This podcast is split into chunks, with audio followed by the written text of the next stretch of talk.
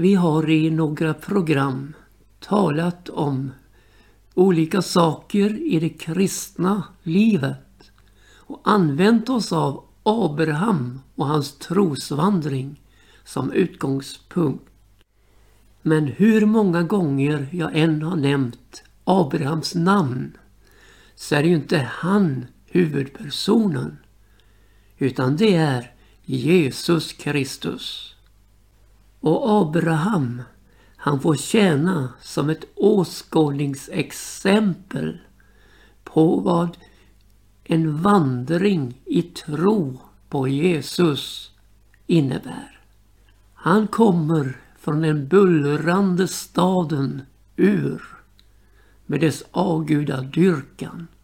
Och efter mötet med härlighetens Gud får en marschorder att gå mot löfteslandet som var mer än Kanans land, nämligen staden med de fasta grundvalarna vars byggmästare är Gud själv.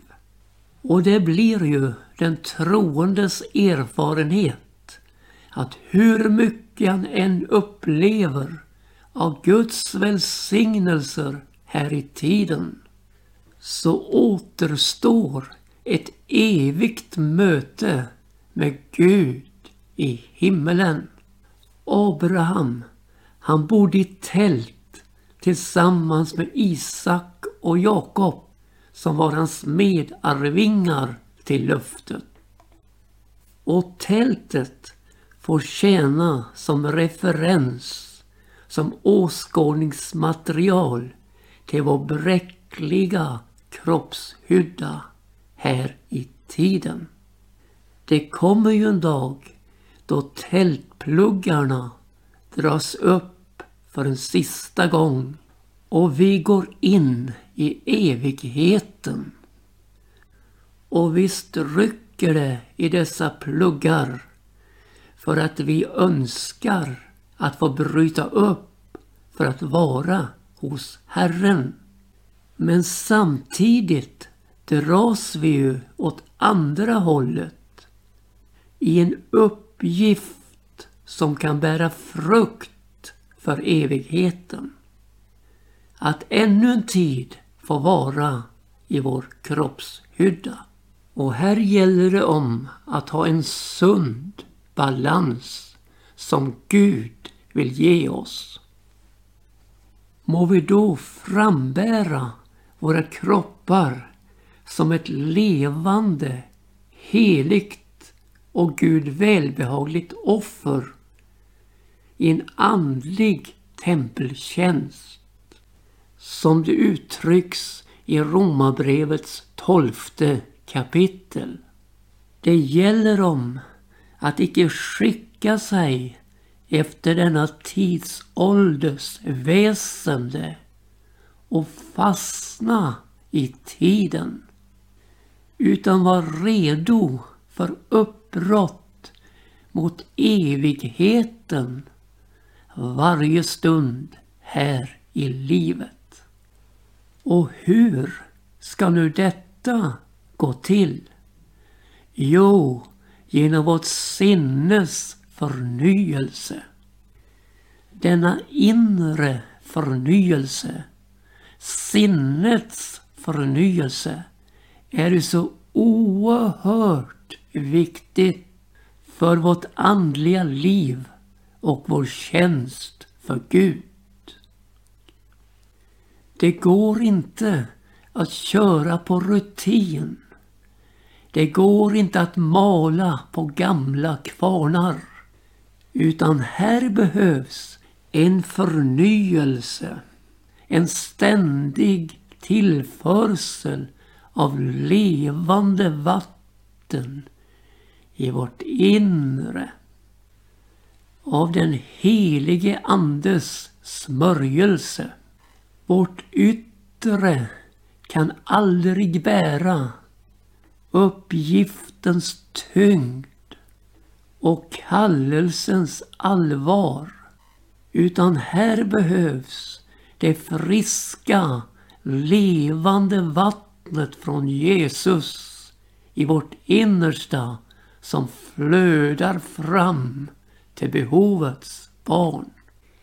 Det är ju Jesus som frälsar. Det är ju Jesus som helar. Ja, det är ju han som upprättar och lyfter den sjunkne för att ställa honom på klippan. Och vi, vi får vara redskap i Jesu tjänst. Ja, för Jesu skull. Där våra fötter får gå behoven till mötes och våra händer uträckas där hela vår kropp får vara ett tempel i tjänst för Jesus. Men aldrig utan den inre kraft som Gud i sin nåd förlänar oss. När Jesaja i sitt sjätte kapitel får se Herren sitta på en hög och upphöjd tron och omgiven av serafer så får han se templet men inte ett innehållslöst tempel. Inte ett tomt tempel. Utan vad ser han? Jo, han ser en uppfyllnad av templet. Han ser släpet på Guds mantel uppfyllde templet. Hur viktigt är det inte att släpet på Guds mantel, kallelsen, får uppfylla hela templet. Här är det ju så viktigt att vi inte drar in våra släp i templet. Utan att Guds släp från hans mantel, från hans kallelse får uppfylla allt.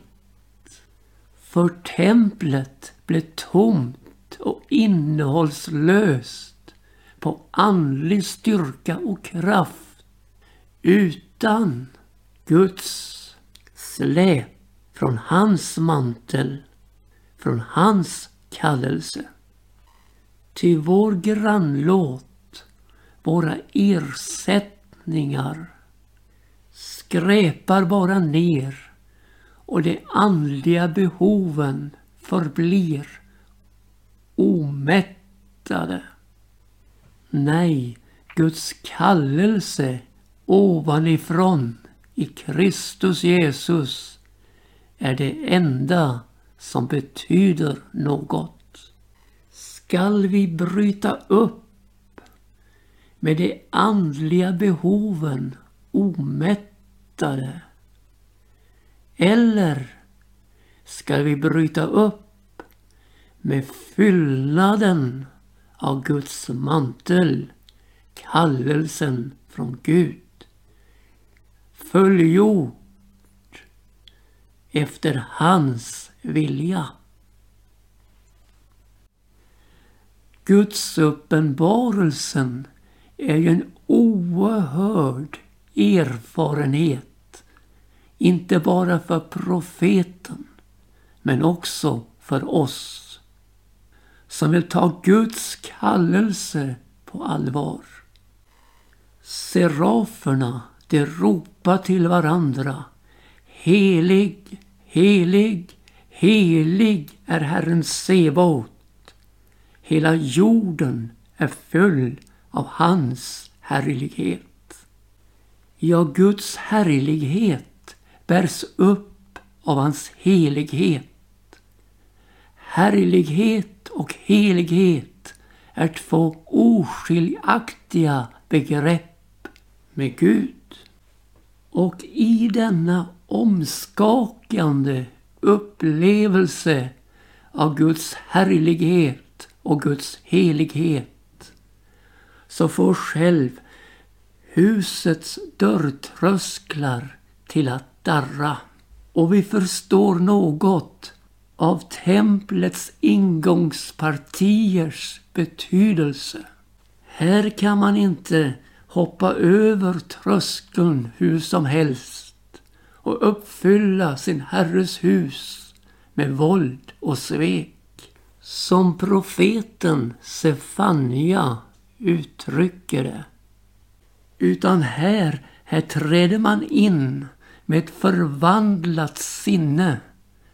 Med ett hjärta som Gud har rört vid. Där den gamla människans svek får stanna utanför. Och där uppriktigheten får råda. Ingångarna till vår kropps tempel är våra sinnesförmögenheter av syn, hörsel, lukt, smak och känsel. Och det behöver bli uppenbart för oss var och en att här behövs en skärpt bevakning. Vi förstår att profeten är skakad över det han här får vara med om. Han säger det, ve mig, jag förgås, ty jag har orena läppar och jag bor ibland ett folk som har orena läppar och mina ögon har sett konungen, Herren Sebaot. Ja, det är inför denna syn allt ställs på sin spets. Det är inför denna syn av konungen, Herren Sebaot, som vår otillräknelighet uppenbaras. Ja, vår orenhet blir avslöjad. Och lägg märke till, han börjar Jesaja att tala om sin egen synd innan han talar om folkets synder. Mina läppar är orena. Och så fortsätter han. Och jag bor ibland ett folk med orena läppar. Ja, inför Guds uppenbarelse kan man aldrig skjuta skulden över på andra. Utan här måste man själv träda fram inför en helig Gud. Men så har Gud också lösningen för oss var och en. Det heter så underbart. En av seraferna tog från altaret ett glödande kol och berörde mina läppar. Och säger Se, när detta har rört vid dina läppar har din missgärning blivit tagen ifrån dig och din synd är försonad. Ja, inget kan ersätta det glödande kolet från altaret och inget kan ersätta Jesu försoning. Vad är det för något altare och vad är det för något kol som borttager synder? Ja, templet, det är ju hans kropps tempel. Det enda fullkomliga tempel som funnits här på jorden. Detta skulle nu brytas ner för att inom tre dagar byggas upp igen i en underbar uppståndelse från de döda. Och där inne i hans kropps tempel finns ett altare. Hans hjärta som slår sina livgivande pulsslag ända in i döden för syndaren. Härifrån utgår livet och hans dyrbara blod flyter genom hans kropp ut genom hans sår till en fallen värld för att nå syndaren med frälsning. Vilket tempel, vilket altare, vilken livsström från Gud till oss. Jo, altaret restes på Golgata av Jesus Kristus. I ett tempel som inte var gjord av människohänder. Hans kropps tempel. Som offrades för våra synder. Och hans styrbara blod utplånar synden i våra liv. Han utbrister Jesus. Fader, förlåt dem, ty de vet icke vad de gör. Och han säger vidare, det är fullbordat. Ja, våra orena läppar vidrörs av dessa oändligt dyrbara sanningar. Och tungan som ingen människa kan tämja blir ett redskap i Guds tjänst. Genom försoningens verklighet, genom Jesu direkta ingripande i våra liv. För du förstår, en försonad människa utspyr inte smädelser, hot och svek från sina läppar. Nej, en försonad människa uttrycker försoningens budskap, evangelium om Jesus Kristus. Och väl fick seraferna, dessa änglar, föra det glödande kolet till Jesaja läppar. Men de fick aldrig uppgiften att predika evangelium. Den blev given till dig och mig, broder och syster. Därför att vi har en erfarenhet i våra liv som änglarna saknar. Vi har upplevt försoningen i Jesus Kristus. Där våra synder har blivit utslätade. Och vi fått uppleva frälsningens under. Efter upplevelsen med det glödande kolet, försoningens verklighet, så fick Jesaja höra Herren tala. Och han säger Vem ska jag sända och vem vill vara vår budbärare? Och Jesaja han svarar Se, här är jag, sänd mig.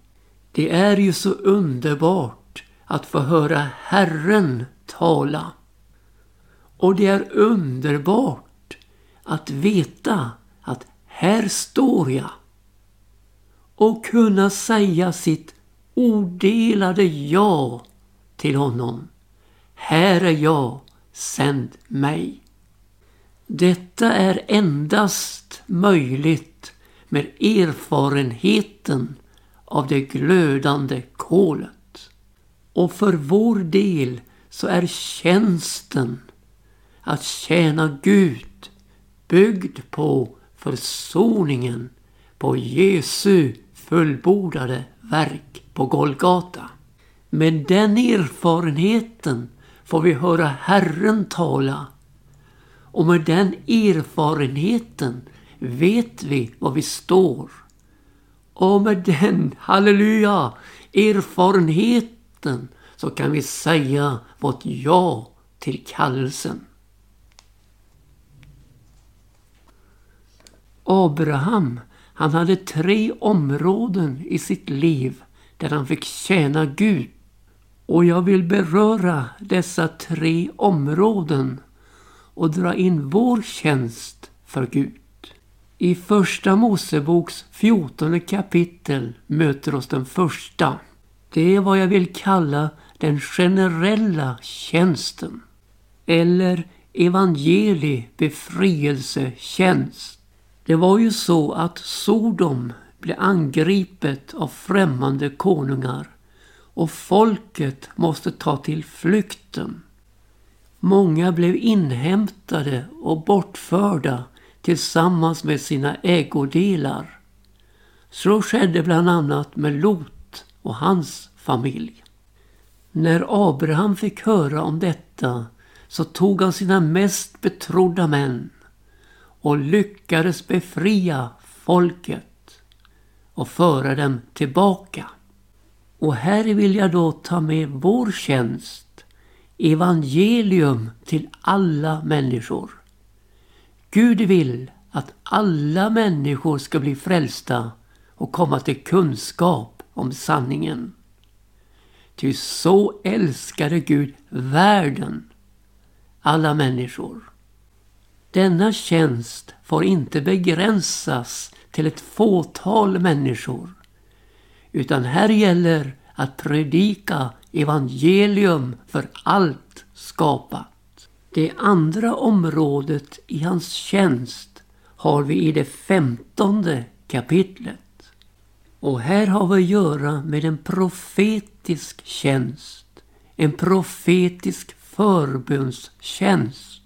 När Abraham offrar till Gud och den himmelska elden far fram mellan köttstyckena så kommer och rovfåglarna och slår ner på offret. Men Abraham jagar bort dem. Och när solen går ner och en tung sömn faller över Abraham så kommer en förskräckelse över honom och ett stort mörker och han får skåda in i framtiden. Och han får veta att hans säd ska leva som främlingar i ett land som icke tillhör dem i 400 långa år. Men sedan ska befrielsen, uttåget, ske. Och man kan ju undra varför fick Abraham det här att veta? Jo, naturligtvis för han skulle i bön förbereda detta uttåg. Och vi har en tjänst här att i det profetiska dramat bedja för Israels folks slutgiltiga frälsning. Men också för den profetiska klarheten i församlingens sista tid på jorden. Innan Jesus kommer igen. För att hämta dem som hör honom till. Vår tjänst och vårt böneliv får inte sakna profetisk skärpa. Från Sion ska förlossaren komma. Han ska skaffa undan all orättfärdighet ur Jakob. Kvarlevan av ett lidande folk ska bli frälst på en enda dag. För Gud, han ska utgjuta över dem nådens och bönens ande och de ska se upp till honom som de har stungit. Och vi kan här och nu få uppleva denna nådens och bönens ande i förberedande tjänst för detta under.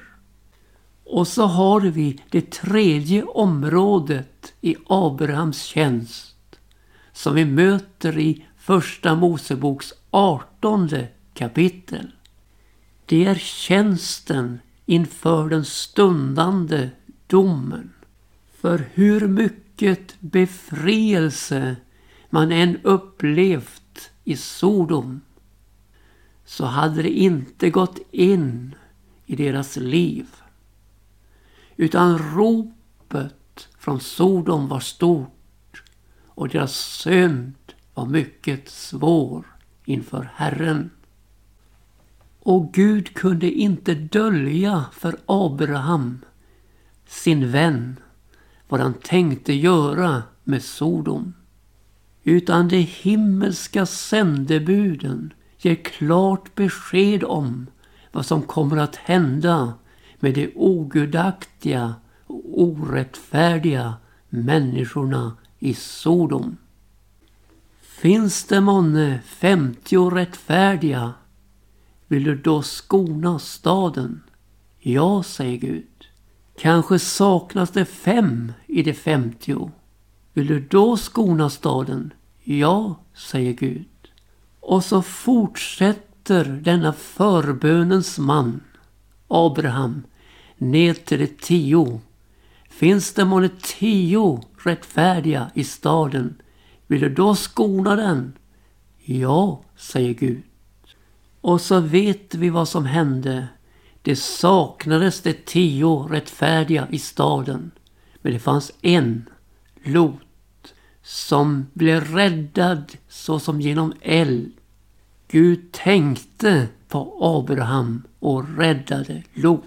Och du och jag, broder och syster, vi står inför en annalkande dom över vårt samtids synd som snart sagt övergår Sodom på varje område. Vad är lösningen? Jo, att träda närmare Gud och be för människor. Att rädda dem som räddas kan. Innan domshandlingarna sätter in och infernot är en verklighet. All Sodomsaktivitet måste bemötas från vår sida i ett närmande till Gud. Jag nämnde något i början av programmet om kroppens bräcklighet och därmed templets skröplighet. Men detta får ju inte slå ut oss. För Gud har behagat att lägga sin skatt i ett lerkärl. Av en anledning. Den att den översvinneliga kraften ska befinnas vara Guds och icke något som kommer från oss själva. Vi är inga övermänniskor men har ett oerhört behov av Gud i våra liv för att möta behoven i tiden. Bevaka sinnets ingångsportar och låt förnyelsens livsströmmar från Jesus nå din inre värld och låta ditt hjärta bevaras i samklang med Gud. Så gör i allt dina önskningar kunniga inför Gud genom åkallan, bön med tacksägelse så ska Guds frid som övergår allt förstånd bevara ditt hjärta och dina tankar i Kristus Jesus. Gud välsigne dig i en överflödande, meningsfull tjänst för Jesus.